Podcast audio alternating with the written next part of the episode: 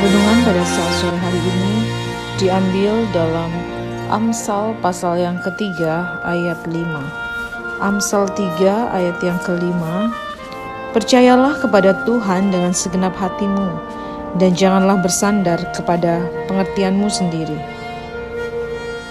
Jika iblis gagal dengan panah api godaannya, ia akan berusaha mengganggu dan mengecilkan hati orang Kristen dengan rasa takut.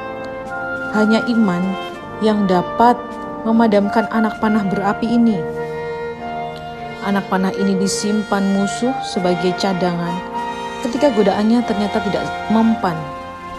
Ia membuka tabung panahnya dengan menghujani jiwa dengan anak panah ini untuk menghanguskan jiwa. Jika ia tidak berhasil membawa jiwa ke neraka sambil tertawa, ia akan berupaya keras menundukkan jiwa yang sedang menuju ke sorga. Kita dapat berbesar hati saat melihat betapa iblis kesulitan menggunakan anak panah macam ini. Anak panah jenis inilah yang ditembakkan kepada Ayub. Tatkala Allah memberikan kepada iblis izin untuk menunjukkan kepiawaiannya, ia tidak memanfaatkan buah apel keuntungan atau kesenangan duniawi, melainkan berusaha membangkitkan pemikiran cemar untuk memfitnah Allah. Kutukilah Allahmu dan matilah. Ayub 2 ayat 9 Maka berkatalah istrinya kepadanya, Masih bertekunkah engkau dalam kesalehanmu? Kutukilah Allahmu dan matilah. Kata istri Ayub kepadanya, ini merupakan gangguan yang besar di dalam benak seorang kudus Iman tidak akan menambatkan pemikiran yang tidak layak tentang Allah dalam hati. Apabila pandangan Anda tentang Allah dibentuk oleh Alkitab, mustahil memiliki pandangan apa pun selain tentang Allah yang kudus dan setia. Iblis berupaya mendorong pemikiran negatif tentang Allah, khususnya ketika providensinya sulit dipahami ada yang mempertanyakan keadilan Allah karena ia tidak segera menghukum. Ada yang mempermasalahkan kepedulian dan kesetiaannya karena tidak menyediakan hal yang lebih baik bagi para hambanya. Atau karena mengizinkan mereka menderita.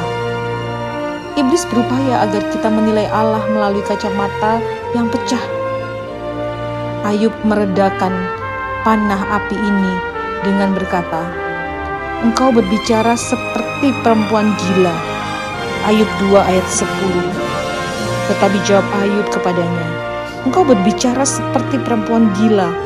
Apakah kita mau menerima yang baik dari Allah, tetapi tidak mau menerima yang buruk? Dalam kesemuanya itu, Ayub tidak berbuat dosa dengan bibirnya. Apa yang diambil Allah sangat sedikit dibandingkan dengan utang saya kepadanya, dan apa yang masih dia sisakan melebihi apa yang layak bagi saya. Pemikiran atau perkataan yang tidak patut tentang Allah merupakan buah dari jiwa yang gegabah dan ceroboh. Adalah pantas bagi orang percaya memuji Allah di dalam keadaan terburuk yang mungkin menimpa mereka. Iman melihat rahmat Allah di dalam penderitaan terberat dan di dalam beragam campuran providensinya yang membawa kesedihan. Pujilah Allah atas kemurahannya di masa lampau, dan mulut Anda akan segera dipenuhi dengan pujian baru karena rahmatnya sekarang ini. William Jurnal 1616 1679